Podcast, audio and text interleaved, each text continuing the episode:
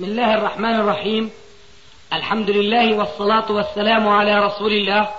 أما بعد فهذا أحد أشريطة سلسلة الهدى والنور من الدروس العلمية والفتاوى الشرعية لشيخنا محمد ناصر الدين الألباني حفظه الله. نسأل الله أن ينفع به الجميع. والآن مع الشريط الواحد والتسعين بعد المئة على واحد. نقول بيانا للأمر الذي مرت الإشارة إليه وهو أن الساقي يبدأ بمن عن يمينه أم يبدأ بكبير القوم ثم بمن يمينه بمن على يمينه. بعد أن نفتتح هذه الجلسة وهذه الكلمة بخطوة الحاجة التي كان رسول الله صلى الله عليه وآله وسلم يفتتح بها خطبه ودروسه عليه الصلاة والسلام. نقول إن الحمد لله نحمده ونستعينه ونستغفره ونعوذ بالله من شرور أنفسنا ومن سيئات أعمالنا. من يهده الله فلا مضل له ومن يضلل فلا هادي له. وأشهد أن لا إله إلا الله وحده لا شريك له وأشهد أن محمدا عبده ورسوله. أما بعد.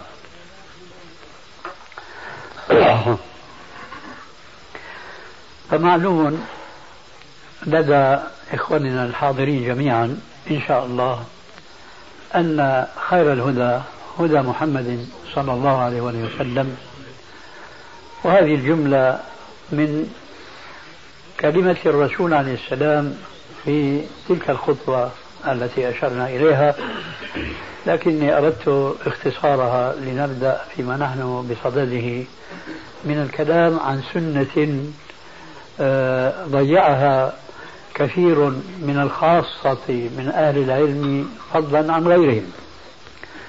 هذه السنة أن الساقي إذا بدأ بإسقاء الجالسين فإنما عليه أن يبدأ بمن عن يمينه وهكذا على التسلسل. أما ما يقول بعض الناس قديما وحديثا من أن السنة أن يبدأ الساقي بكبير القوم ثم بمن عن يمينه فهذا منهم وهم منشأه أنهم لم يتتبعوا الحديث الصحيح الذي بنوا عليه رأيهم من جميع طرقه وألفاظه.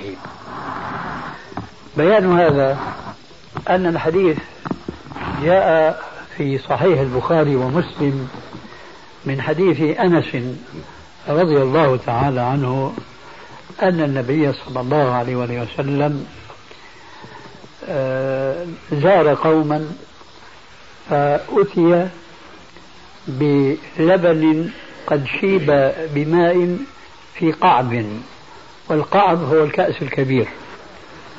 فشرب منه عليه الصلاة والسلام وبقي فيه سؤر فضة وكان عن يمينه أعرابي. وفي رواية عبد الله بن العباس رضي الله عنهما. وعن يساره أبو بكر الصديق رضي الله عنه وفي رواية مشايخ وكبار قريش.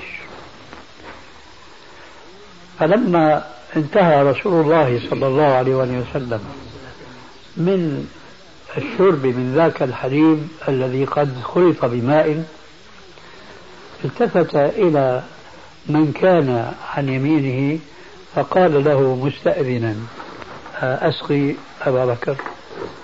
قال والله يا رسول الله لا أوثر أحدا على فضلة شرابك.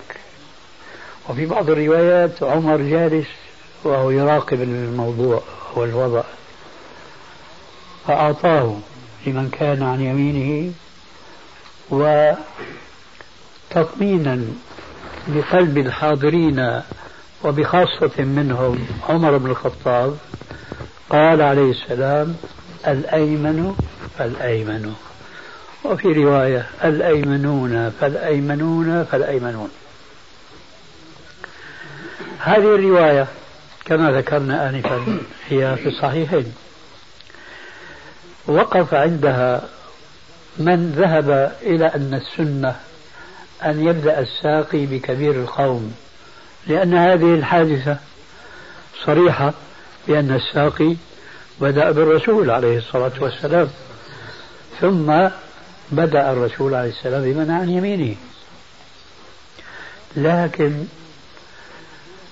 فاتهم شيء يتعلق بالرواية وآخر يتعلق بالدراية أي الفهم والفقه. أما ما يتعلق بالرواية فهو أن في رواية في صحيح البخاري في كل من الحديثين. ذكرت آنفا أن الحديث من حديث أنس بن مالك. وقد جاء أيضا من حديث سهل بن سعد الساعدي. في كل من الحديثين زيادة مهمة جدا توضح وتؤكد خطأ الاستدلال بالرواية الأولى على أن السنة أن يبدأ الساقي بكبير القوم. تلك الزيادة تقول استسقى رسول الله صلى الله عليه وآله وسلم فأتي بلبن قد شيب بماء في قعب إذا هذه الزيادة تعطينا جواب سؤال. لماذا بدأ الساقي برسول الله صلى الله عليه وآله وسلم؟ الجواب عند الذين يقولون بأن السنة أن يبدأ بكبير القوم لأن الرسول سيدهم هذا هو جوابهم. لكن الزيادة هذه ترد عليهم.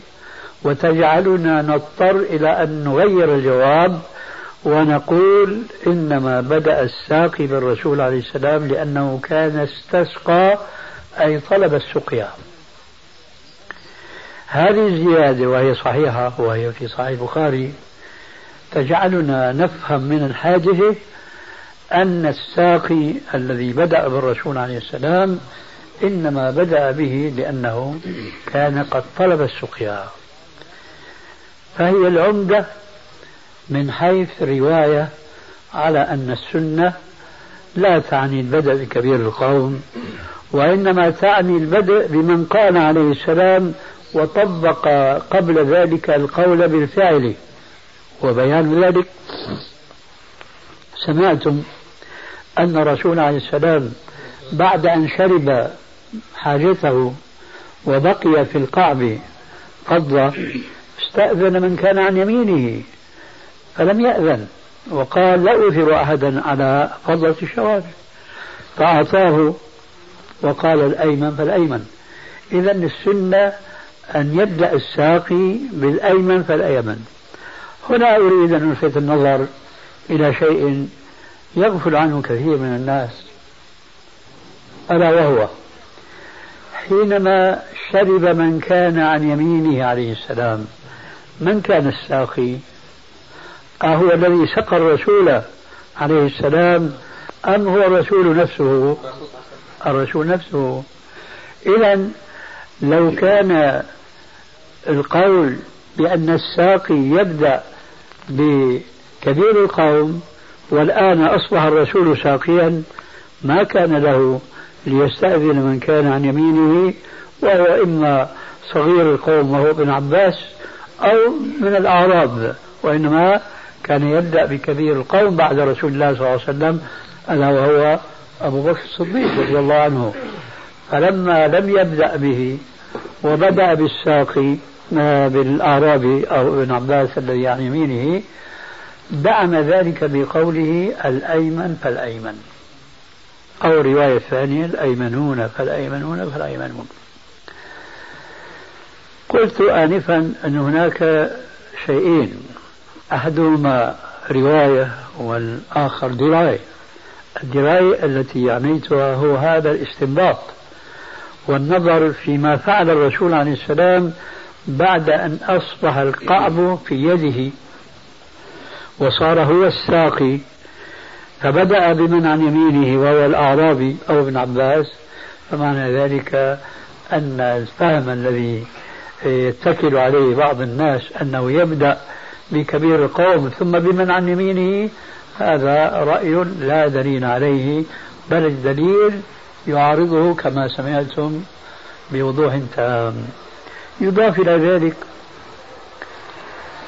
أن ننظر إلى بعض القواعد الإسلامية التي منها قوله عليه السلام أنا وأمتي براء من التكلف. أنا وأمتي براء من التكلف. وقوله يسروا ولا تعسروا والقرآن سابق لقول عليه السلام يريد الله بكم اليسر ولا يريد بكم العسر. في كثير من الأحيان لا يمكن أن يتميز كبير القوم على الأذكياء من الناس خاصة إذا كانوا متقاربين إما في السن أو في الجاه والعلم والمنزلة بين بين الناس. والساقي عادة في الأزمنة القديمة يكون من عامة الناس ممن لا ثقافة عندهم. ولا وعي في تمييز مقامات الناس ومعرفة درجات ومنازلهم.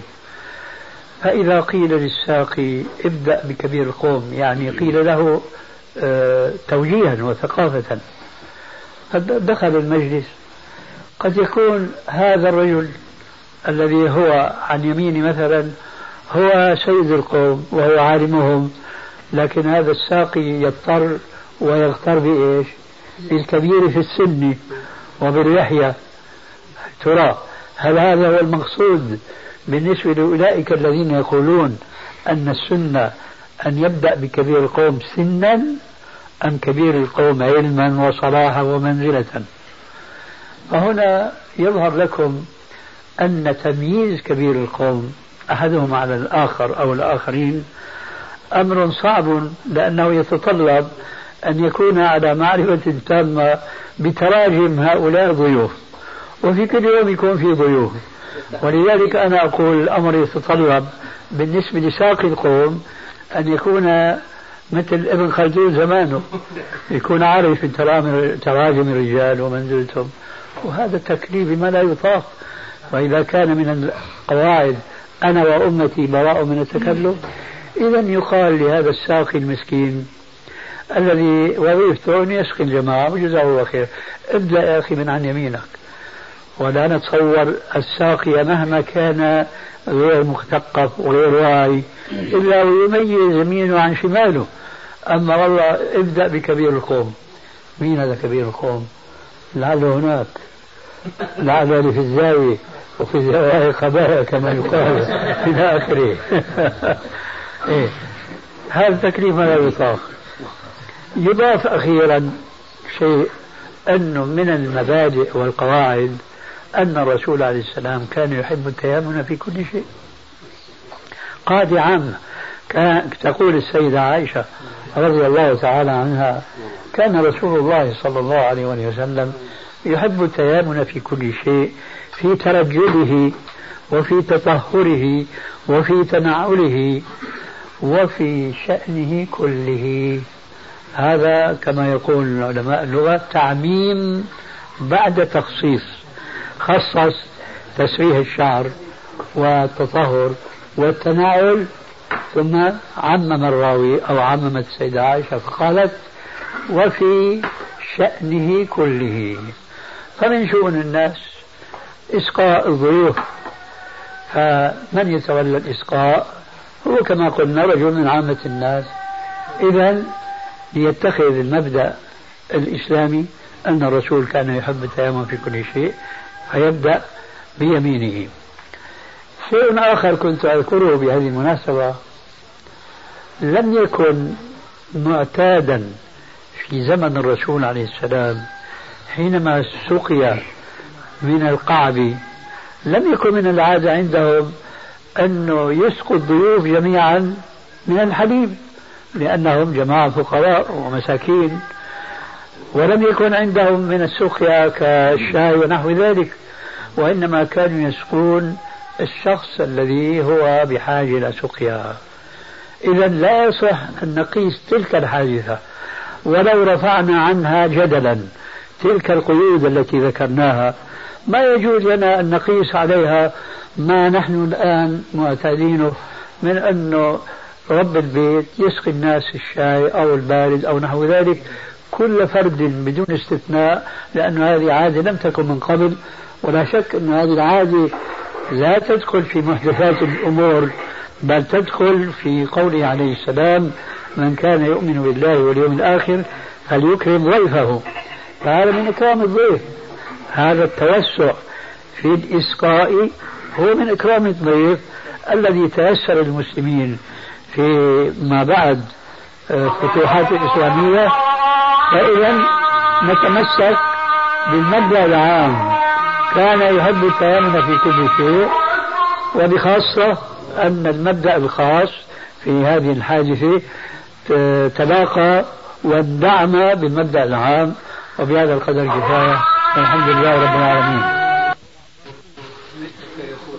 تذبح عنه يوم سابعه. ماذا تفهم؟ السبت إنه يوم السبت يعني تفهم لفظ الحديث يعني ما في شرع؟ السبت شو يعني يوم السابع؟ يعني السبت يعني بيجوز الثامن؟ يعني في نهي عم نسألك سائل ومسؤول ما يجتمعان يعني تفهم من الحديث يجوز يوم الثامن تفهم من الحديث يجوز يوم الخامس هو يوم لصالحه. يوم السابع أو الرابع عشر أو الواحد ما أجبتني. وعلى هذه الطريقة ما أستفيد شيئا ولا أنا بستفيد معك شيء. لا أنا بدي أقول يجوز بس بدي أستنى شوي.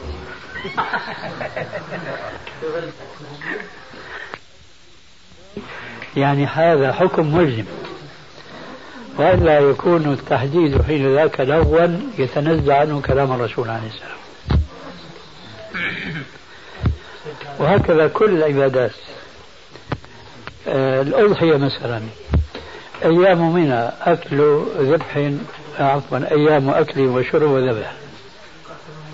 هذا شو معنى؟ انه بيجوز تذبح فيما بعد؟ لا هنا في أيام منى وفي الأضحية. في نص يعني يحرم. لا أنا أنا الان قبل الصلاة. أنا أبحث في هذا النص. شو بتفهم منه وأنت الرجل العربي سليقه لا لا بقول أيام منى. أيام أكل وشرب وذبح. نعم. شو معناها؟ يعني أنه بيجوز الذبح في غيره عن لا لا. آه بس لا تغلط. لا ما بيجوز إذا غلطت هنا معناها غلطت هناك. وإذا أصبت هنا آه، أخطأت هناك. فلازم يكون إيش؟ مضطرد في الصواب وفي الخطأ. شو الفرق؟ بين أيام منى وبين العقيقة. أنا فاهم أنك بتفرق بس بتفرق بذوقك على الطريقة الصوفية اللي أنت بتدندن كثيرا في الرد عليها ولا من حيث الفهم العربي؟ الله يرحمه. أي أيام منها أيام ذبح. نعم. كيف فهمت هذا؟ أنه يفيد الحصر وتذبح يوم سابعه لا تفيد الحصر. لأنه أيام منها يعني بوضوح النص أنها في أيام منها أما في الثاني الحقيقة الله يهديك. أنا مسألة كيف فهمت؟ أيام من أيام ذبح تذبح عنه يوم سابعه. تعبيران يعني يؤديان معنى واحدا. ليش فرق بينهما؟ وبعدين هذا توقيت من الشارع ولا ليس توقيتا؟ توقيت. طيب. هل يجوز مخالفة التوقيت الشرعي بدون دليل شرعي؟ لا. إذا لماذا نتردد في أن نقول أن العقيقة لا يجوز ذبحها إلا في اليوم السابع انظر الآن كيف ينبغي أن نتسلسل في البحث العلمي الفقهي. ما دام هذا النص يفيد التوقيت كأيام من أيام ذبح أيام التشريق أيام ذبح. آه فجاج مكة. ها؟ هذا التعبير هل يفيدك لك الخيرة أن تذبح خارج فجاج مكة وخارج منها ولا تفهم أن هذا النص ملزم؟ كل هذه كلها على طريقة واحدة تماما. وهذا بيكون نحن نلغي كلام الشان الحكيم؟ فقلت إلا بنص شرعي. قول عليه السلام تذبح عنه يوم سابعه. لا شك أن هذا يلزمنا بأن نذبح العقيقة في اليوم السابع. لكن هنا شيئان الشيء الأول وهو راجع إلى قاعدة شرعية هذا لمن كان مستطيعا. فإذا كان غير مستطيع فاستطاع فيما بعد. معليش. كأي عبادة هي فريضة آكد من هذه الفريضة. ما استطعت تصلي لأمر ما ومعروف ما هو الأمر النوم أو نسيان. فأنت بتصلي حين تذكر وحين استيقاظ. ما استطعت تصلي بالأركان كلها وإنما بعضها بتصلي على قدر استطاعتك لا يكلف الله نفسا إلا وسعها. ولكن أنت تستطيع أن تذبح في اليوم السابع ثم لا تفعل فما عذرك في ذلك؟ والله أنا لا أفهم أن هذا النص ملزم. إيه ملحقق بالعاجة مثل حكايتنا نحن؟ ويمكن هذا يعني الإلحاق إذا أوقف بك عنده يكون هذا رحمة من ربك. على نفس الموضوع. هات نشوف هل يصح أن نفهم من قول رسول الله صلى الله عليه وسلم الغلام متهم بعقيقته. فلو خالف امرؤ اليوم السابع وكان مستطيعا آه، وذبح في اليوم العشرين أو غير أي, أي يوم آخر. يقع عليه الإثم بمخالفته اليوم السابع ولكنه يسقط الرهن الواقع في أول الحديث. كلام ناقض ومنقوض كيف الذي يسقط هو العقيقة. نعم. والعقيقة شرطها أن تقع في اليوم السابع. نعم. وما دام أنك افترضت أنها وقعت في غير هذا اليوم وهو مستطيع أن يذبح في هذا اليوم فكلامنا أيضا منقوض الذي يذبح في غير اليوم السابع وهو مستطيع كالذي يذبح قبل العيد أو بعد العيد الأضحية. لا فرق بين ذلك لأنه تعدى التحديد الشرعي. الذي ذبح فيما بعد ما فكر الرهن. وما يشيع عند كثير من الناس الرابع عشر والواحد والعشرين. هذا الذي أنا كنت أريد أن ألفت النظر حينما قلت إلا بنص. يجب أن نقف عند التعديد الشرعي إلا بنص. فلولا أنه جاء في بعض الروايات التوسعة في من لم يتيسر له الذبح في اليوم السابع ففي الرابع عشر وإلا آخر شيء في الواحد وعشرين. لذلك الحديث مع أخينا هذا وأيوب كان على أساس أنه ذبح بعد الواحد وعشرين. فلا هو ذبح في السابع ولا في الرابع عشر ولا في الواحد وعشرين. فإذا هو لا أخذ بالعزيمة في اليوم السابع ولا أخذ بالرخصة في اليوم الرابع عشر وفي اليوم الحادي والعشرين. فسؤالك أنت يعني على التعبير العسكري في بعض البلاد مكانك راوح. يعني أنت وياه سواء. طب من ذبح مثلا ليس في الرابع عشر إنما في السابع عشر في الثامن عشر؟ نفس الشيء؟ نفس الشيء. نفس الشيء لأنه ما ذبح في الوقت الشرعي. ما ذبح في الوقت الشرعي. شيخنا شيخنا كما كنت ذكرت في غير هذا الموضوع إنه حكمة العدد لها يعني شيء بالغ في الشريعة. بلا شك معلوم. العدد له حكمة بالغة. ولا ما فائدته إذا تجاوزنا نقصا أو زيادة؟ الغاء إلغاء وتعطيل الحكم الشرعي. ونحن أخشى ما نخشى أن نوجد من أنفسنا اليوم معطلين في الأحكام الشرعية كما وجد قديما معطلين في الصفات الإلهية. تفضل. تفضل. في حديث دائما فبحثت عنه ما لقيته لا بصحيح ولا بضعيف يعني بدي أعرف شو مدى صحته.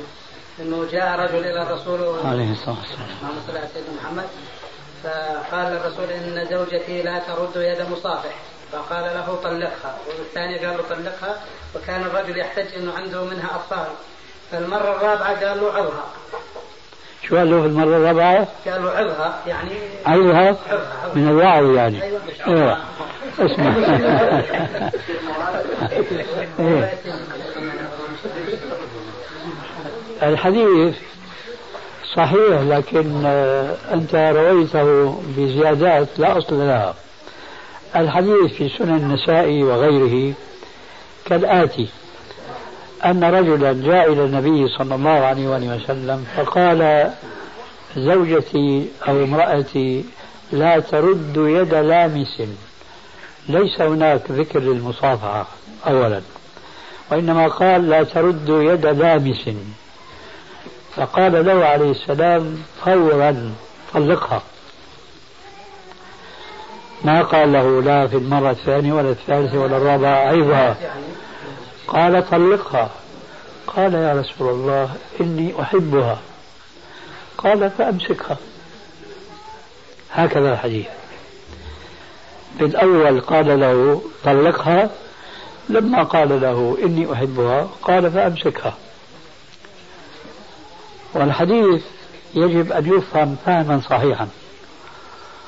ومن بعد هذا الفهم الصحيح يمكن أن يستنبط منه بعض الأحكام الشرعية التي يكون بحاجة إليها كثير من الناس من الرجال الذين آه، يستعجلون وينفذون الطلاق على زوجاتهم ثم يندمون. فنستطيع أن نأخذ من هذا الحديث الصحيح حكما يتناسب مع وضع كل واحد من هؤلاء المطلقين النادمين وعليكم السلام ورحمة الله وبركاته فالفهم الصحيح لهذا الحديث هو لا ترد يد لامس لا يعني الزوج أن زوجته قحبة تعرفون قحبة؟ آه. وإنما يعني أنها امرأة ساذجة يعني بسيطة. يعني ما أدري شو بتقولوا عندكم هنا. على البركة أحسن على البركة درويشة عليكم السلام. وهذول الدراويش سواء كانوا من الرجال أو النساء بينطلع عليهم الغش. لكن نيتهم الداخل سليمة. فهو يعني ويشهد في زوجته هذه الشهادة في قوله لا ترد يد لامس. وهذا يقع في كثير من الأحيان في القرى بين الفلاحين والفلاحات لأنه عايشين مع الأسف مجتمع أشبه بالمجتمع الغربي. لكن في طبعا شيء من الحماية والآداب الإسلامية لكن أيضا في شيء من الاختلاط. فتجد الشاب يتكلم مع الشابة وعلى عرض الطريق يعني وعلى مرأى الأب والأم والصديق والأخوة وإلى آخره. فيتكلم معه في أثناء الحديث يعمل لها هيك روحي بقى.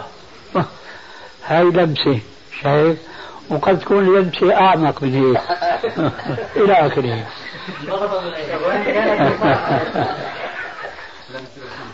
الزوج نحن الآن بدنا نحكي شيء عليه أحكام. المصافحة اللي ابتلي بها بعض المسلمين اليوم هذه جاءتهم من الاستعمار الغربي والفكري. أما في العهد الأول ما في امرأة يصافحها رجل أجنبي عنها. لذلك موضوع المصافحة ليس له علاقة بهذا الحديث. وإنما مثل ما قلت لك يعني شيء يقع عادة قديما وحديثا حتى اليوم. هذا الغمز وهذا اللمس فالرجل حينما كان يرى من زوجته هذه البساطة وهذه الدروشة تأخذ إيش؟ الغيرة فشكاها إلى النبي صلى الله عليه وسلم. ولا شك أن البساطة والغفلة لهذه الدرجة ما هو خلق حسن ولو أنه إيش؟ النية ما هي نية سيئة. فقال له عليه السلام اقطع هذا الداء مباشرة طلقها خلص منها. ما دام هي درويش وأنت غيور طلقها. قال إني احبها هون بقى المشكلة. فالرسول عليه السلام سيد الحاكمين من البشر ما أصر على قوله الأول طلقها وإنما عكس ذلك وقال أمسكها إذا لماذا؟ وهذا الحديث من جملة الأحاديث هل لازم يكون من مراد مراد وما يعمل طبعا برازيت لأنه ينبنى عليه حكم شايف؟ ليه؟ لأنه نحن اليوم نسأل زوجي بيفعل كذا وكذا. هل يجوز أن أعيش معه؟ بيشرب خمر ما بيصلي ما كذا إلى آخره. لا ما بيجوز. طيب شو لازم نساوي لازم تطلقي تطلبي المفارقة منه. ما دامك أنت ملتزمة. فما بيجوز تعيشي تحت عصمة فاسق إن لم يكن كافرا. لازم تطلب المفارقة من القضاء الشرعي. يعني عندي أولاد منها وين بدي أروح بالأولاد هون بقى أنا بجي بقول ما دام ما بتقدري تعيشي بدون أولاد إذا عيشي معه هذا مما استفدناه من إيش؟ من الحديث يعني. فإذا الحديث عرفت روايته الصحيحة قال طلقها. قال إني أحبها. قال فأمسكها. إذا إذا سئل أحدنا عن علاقة بين زوجين آه، تقتضي أنه يطلق أحدهما الآخر. طبعا هذا من باب التغليب لأن الطلاق بيد من أخذ بالساق وهو رجل. لكن اليوم أصبح معروفا عند النساء وما بيتحرجوا من القول أنه أنا بدي طلقه لزوجي. وأنا عارف ماذا تعني. بدها ترفع دعوة عليه وتطلب إيش؟ المفارقة ما هي ما بيطلع بيدها تطلقه لأنه الطلاق بيد من أخذ بالساق. قول قول يا سيدي أنت طالق. نعم. كمان. نكمل بعد قليل إن شاء الله. طيب يا سيدي بسم الله. جزاك الله تفضل. قرأت في مشكاة المصابيح أنه الإمام مثلا السكتة بعد ولا الضالين ما في سكتة وأنه الحديث الوارد فيها ضعيف. فبعض الأئمة يسكت يقول لك بدي أسكت حتى دقيقة مثلا فترة بسيطة حتى أتيح للمأمومين أنهم يقروا الفاتحة. فهل يأثم بما أنه ما فيش دليل على السكتة بعد هذا بارك الله فيك الجواب عليه يأثم أو لا يأثم. يعود إلى قناعته الشخصية. إذا سلك طريق أهل العلم لمعرفة الحق مما اختلف فيه الناس أو سلك طريق غير أهل العلم بسؤال أهل العلم فأفتوه فتبنى فتواهم فلا إثم عليه. أما أن يركب رأسه وأن يتبع هواه فهو آثم. واضح كلامي؟ يعني هو إما أن يكون مجتهدا وصل به اجتهاده إلى هذه السكتة الطويلة التي يتمكن فيها المقتدون من قراءة الفاتحة. فهو ليس بآثم بل هو مأجور على كل حال. وإما أن يكون ليس من أهل العلم والاجتهاد وإنما هو سأل بعض من يظن فيهم العلم فأفتوه بأن هذه السكتة وردت فهو بناء على ذلك يسكت فأيضا لا إثم عليه. الإثم إنما يترتب على آه، المكلف فيما إذا اتبع هواه وأفتى نفسه أو غيره بغير علم. مسموع الجواب. الحمد لله. قبل قليل. أي نعم. هذا الأذان في الواقع يعني أعجبني وما أعجبني. أكبر. ما أعجبني بطبيعة الحال ما فيه من التلحين والتطريب. وأعجبني من حيث حسن صوته. لأنه ذكرني بحديث أبي محذورة وهو أحد مؤذني الرسول عليه السلام حيث سمعه عليه السلام يؤذن تقليدا وليس إيمانا.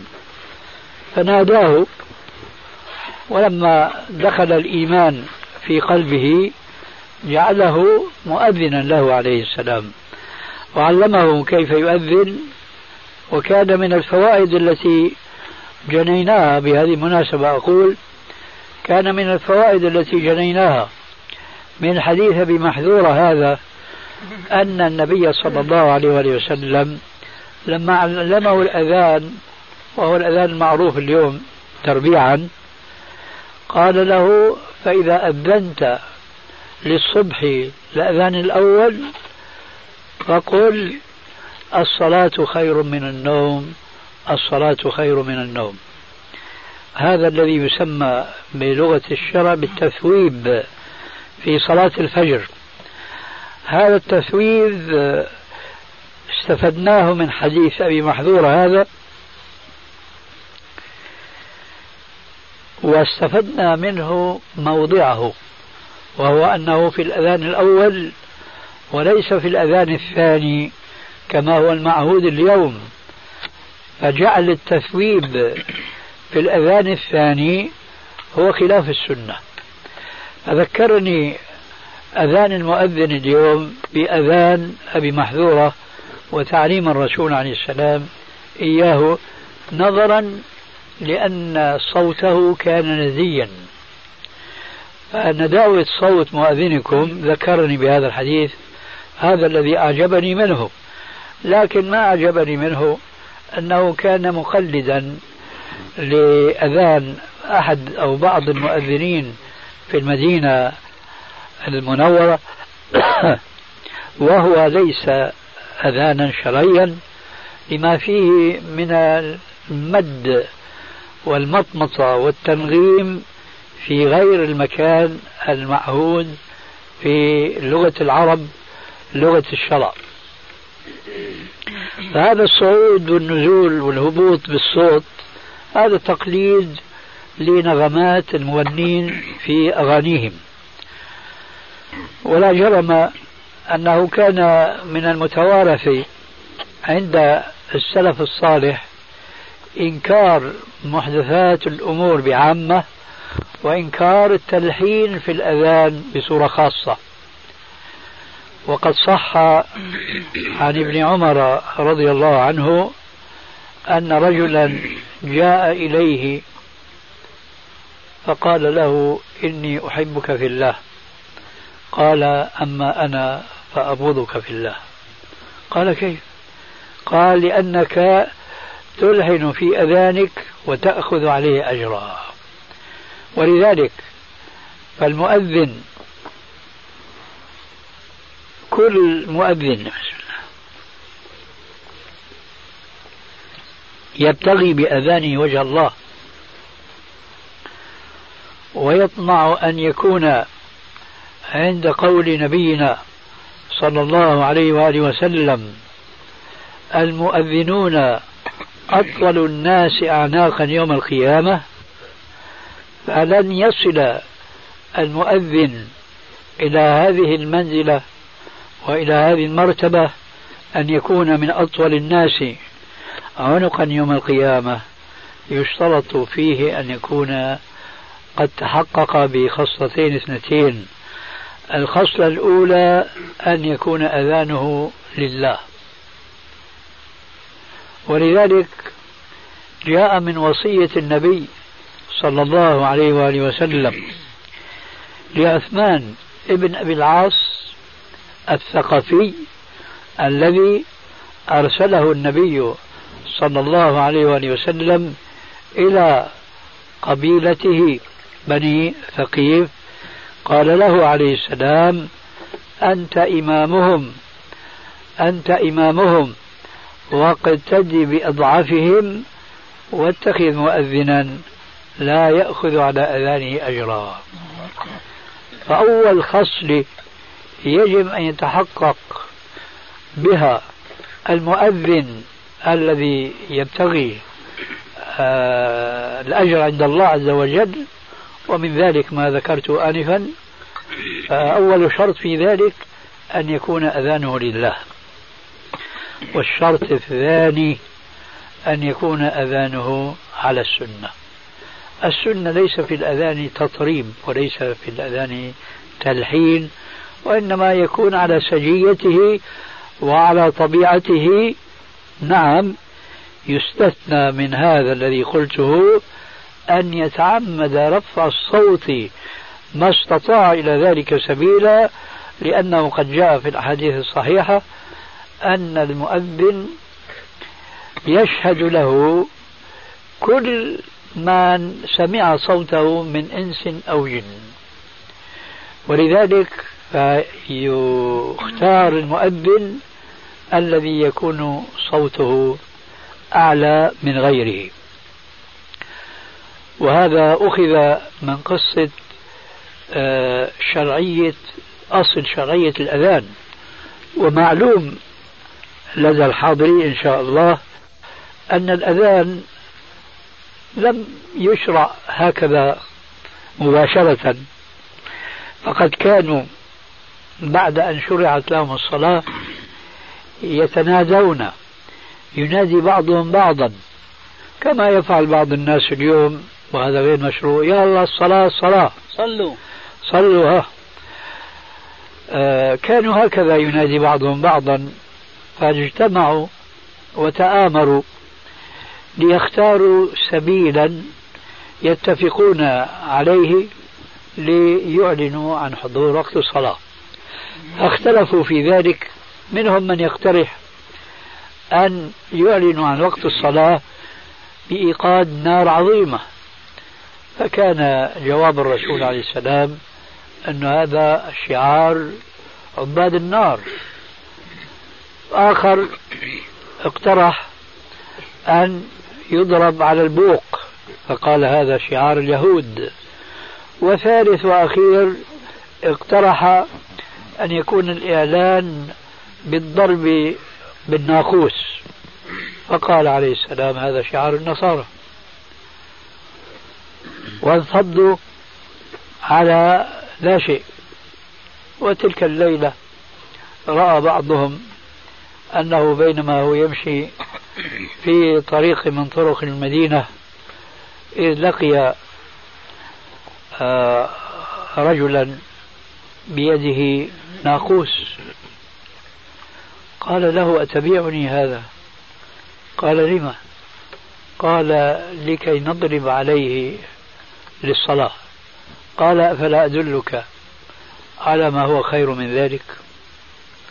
وكان هناك جذم جدر. جذم جدر أي جدار منهدم بقي منه بقية مرتفعة عن الأرض. وهذا أمر مشاهد دائما أبدا لأن الجدار مهما كان قويا أو رخيا لا ينهدم من أصله بحيث يصبح مع الأرض سويا وإنما يبقى منه بقية مستعلية عن الأرض. فقام هذا الشخص الذي رآه الصحابي في المنام قام عليه واستقبل القبلة وأذن. الأذان معهود اليوم. ثم نزل عن هذا الجذم وأقام الصلاة. فلما أصبح الرجل قص عليه القصة على النبي صلى الله عليه وسلم فقال إنها رؤيا حق والشاهد تمام قوله عليه السلام فألقه على بلال فإنه أندى صوتا منك. ومن ذاك اليوم صار المؤذن هو بلال الذي لم يرى تلك الرؤيا لأن صوته كان زيا كان شجيا. ولذلك فهذا أمر مستحب في المؤذن ولكن لا ينبغي أن يتتبع في أذانه القواعد الموسيقية التي يقيم عليها المغنون أغنية أغانيهم. لهذا ننصح آه، مؤذننا الليلة أن يكون كما نظن أولا مخلصا في أذانه لله تبارك وتعالى. لا يبتغي وراء ذلك جزاء ولا شكورا.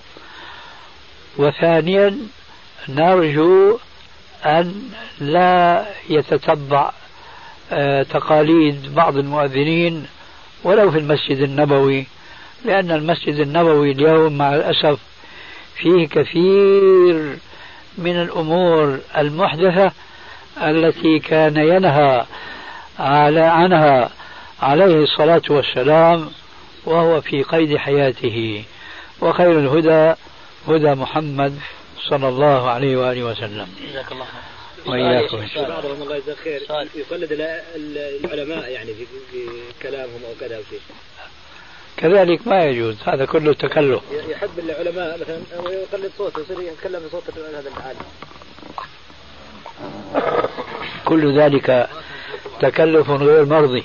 سؤال هات الميكروفون. لأن السلف لم يرد عنهم أنهم كانوا يقلدون الرسول عليه السلام في طريقة الكلام. سؤال تابع لما هات الميكروفون. يا شيخ ما تفضلت فيه بالنسبة للأجر على الأذان. بس الحمد لله إحنا كلنا بنأخذ أجر رواتب من أوقات. عاجل عاجل إن شاء الله ولا عاجل؟ لا فلوس قروش دنانير إيه. نأخذها يوم 27 شهر. إيه. وإذا ما أخذناها لا بنأذن ولا بنداوم. إيه. يعني هيك أغلب الناس. إيه نعم. حمانا الله وإياك. اللهم آمين. فلو لو الشيخ يعني يبين لنا حكم أخذ هذه الرواتب والحالة هذه. علما إنه المؤذن بخدم المسجد أيضا. بخدم المسجد بس يوم الثلاثاء ما بخدم المسجد. لأنه عطلة. ما يصلي نهائيا. ها؟ ما يصلي نهائيا ما في بعضهم لكن نحن نريد يعني ما ما يراه شيخنا حفظه الله. أبشر يا أبا أيوب. تفضل يا شيخ. أبشر بكل خير. هات ال- هات الميكروفون هيك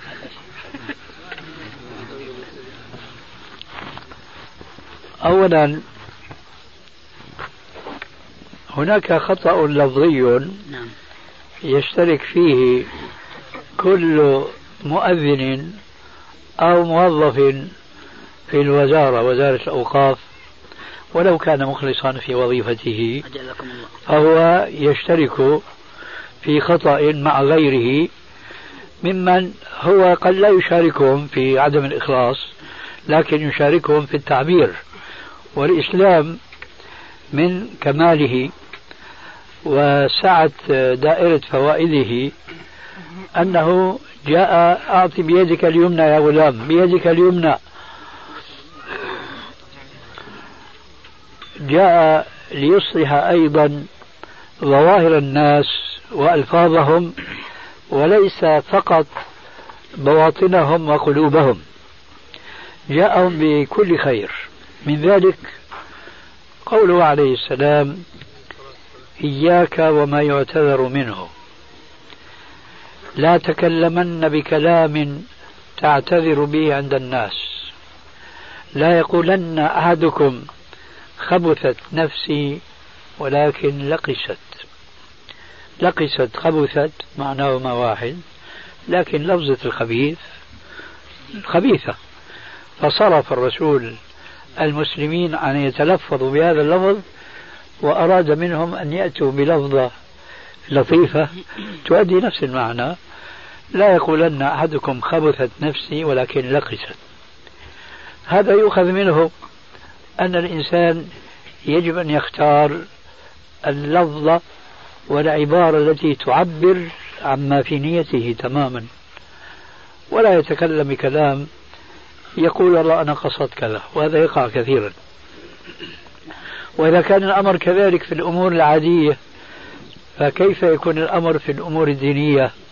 ولا يجوز للمسلم أن يتلفظ بكلمة تتعلق بالله أو برسول الله صلى الله عليه وسلم مما لا يجوز ولا ينبغي أن يقال. ولو أن نيته كانت حسنة. هذه توطئة. لنقول لا يجوز للمسلم أن يقول نحن نؤم الناس ونؤذن ونأخذ أجرا. لأن هذا يصدم الحديث السابق الذكر الذي أوصى به نبينا عثمان بن أبي العاص حين قال له واتخذ مؤذنا لا يأخذ على أذاني أجرا. فكيف يقول المسلم عن نفسه؟ أنا آخذ على أذاني وعلى إمامتي أجرا. الأصل أن يقال ما حكم ما يأخذه الموظف في الدولة وظيفة شرعية كالإمامة والتأذين والخطابة ونحو ذلك. لنجيب على هذا فنقول إذا أخذه على كونه أجرا فهو إثم وهو سحت لأنه لا يجوز للمسلم أن يأخذ على عبادة يقوم بها أجرا عاجلا من حطام الدنيا وإنما يجب أن يبتغي بذلك وجه الله كما قال الله عز وجل وما أمروا إلا ليعبدوا الله مخلصين له الدين وقال عليه السلام بشر هذه الأمة بالرفعة والثناء والمجد والتمكين في الأرض ومن عمل منهم عملا للدنيا فليس له في الآخرة من نصيب.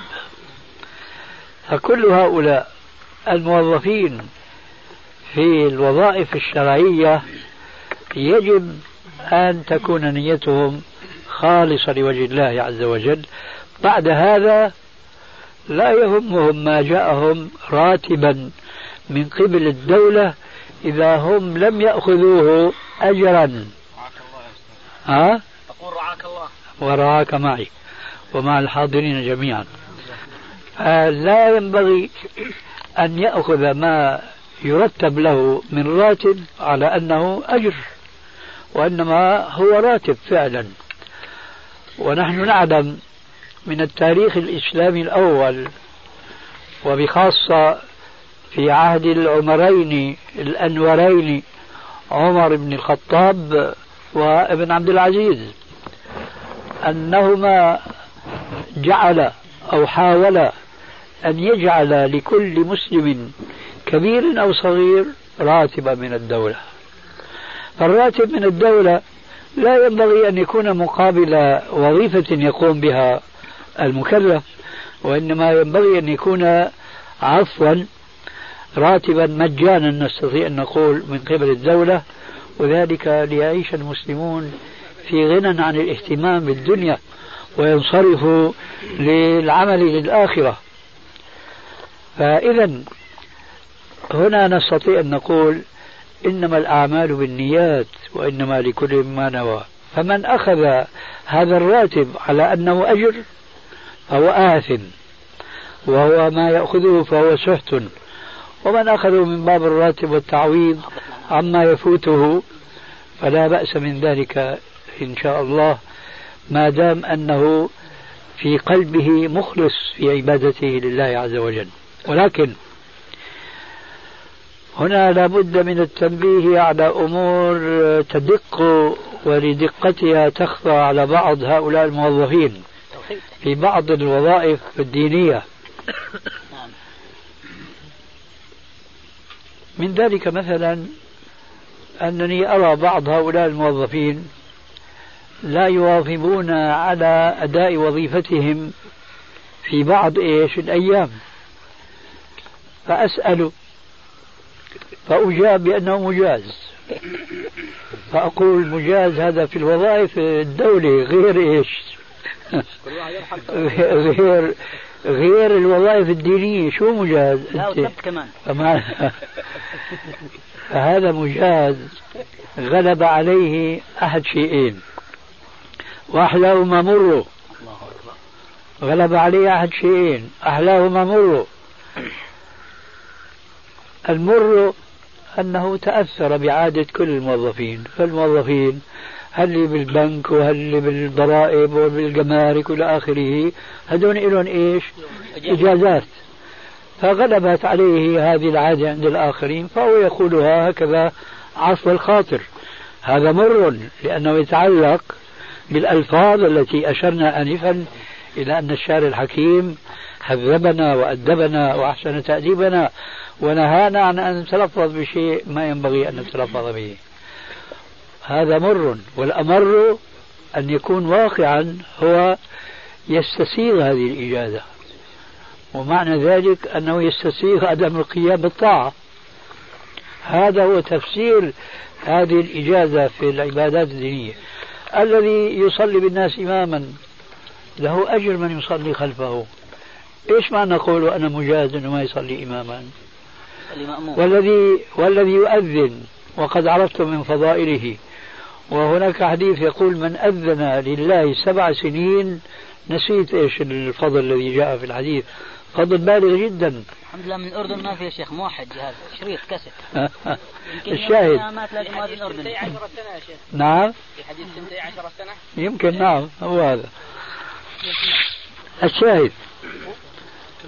لا يجوز للموظف وظيفة دينية أن ينغش بالإجازة التي يعطيها الأوقاف له ويتمتع بها وهو بغير حاجة إليها. أريد أن أقيد كلامي السابق حتى لا يفهم على إطلاقه. فقد يكون رجل رب عائلة. ولا يتمكن بالقيام ببعض لوازم بيته أو أهل بيته إلا في وقت الإجازة. ما في مانع بذلك ولو لم يجز رسميا. ما في مانع أن ينيب عنه شخص آه، يصلي بديلا عنه أو يؤذن أو يخطب إلى آخره لأن له عذرا شرعيا. وفي هذه الحالة ليس بحاجة إلى أن يأخذ إجازة نظامية أو روتينية كما يقولون فهو ليس بحاجة يشعر أنه ليس بحاجة إليها مع ذلك هو يتمتع بهذه الإجازة التي يتمتع بها كل الموظفين.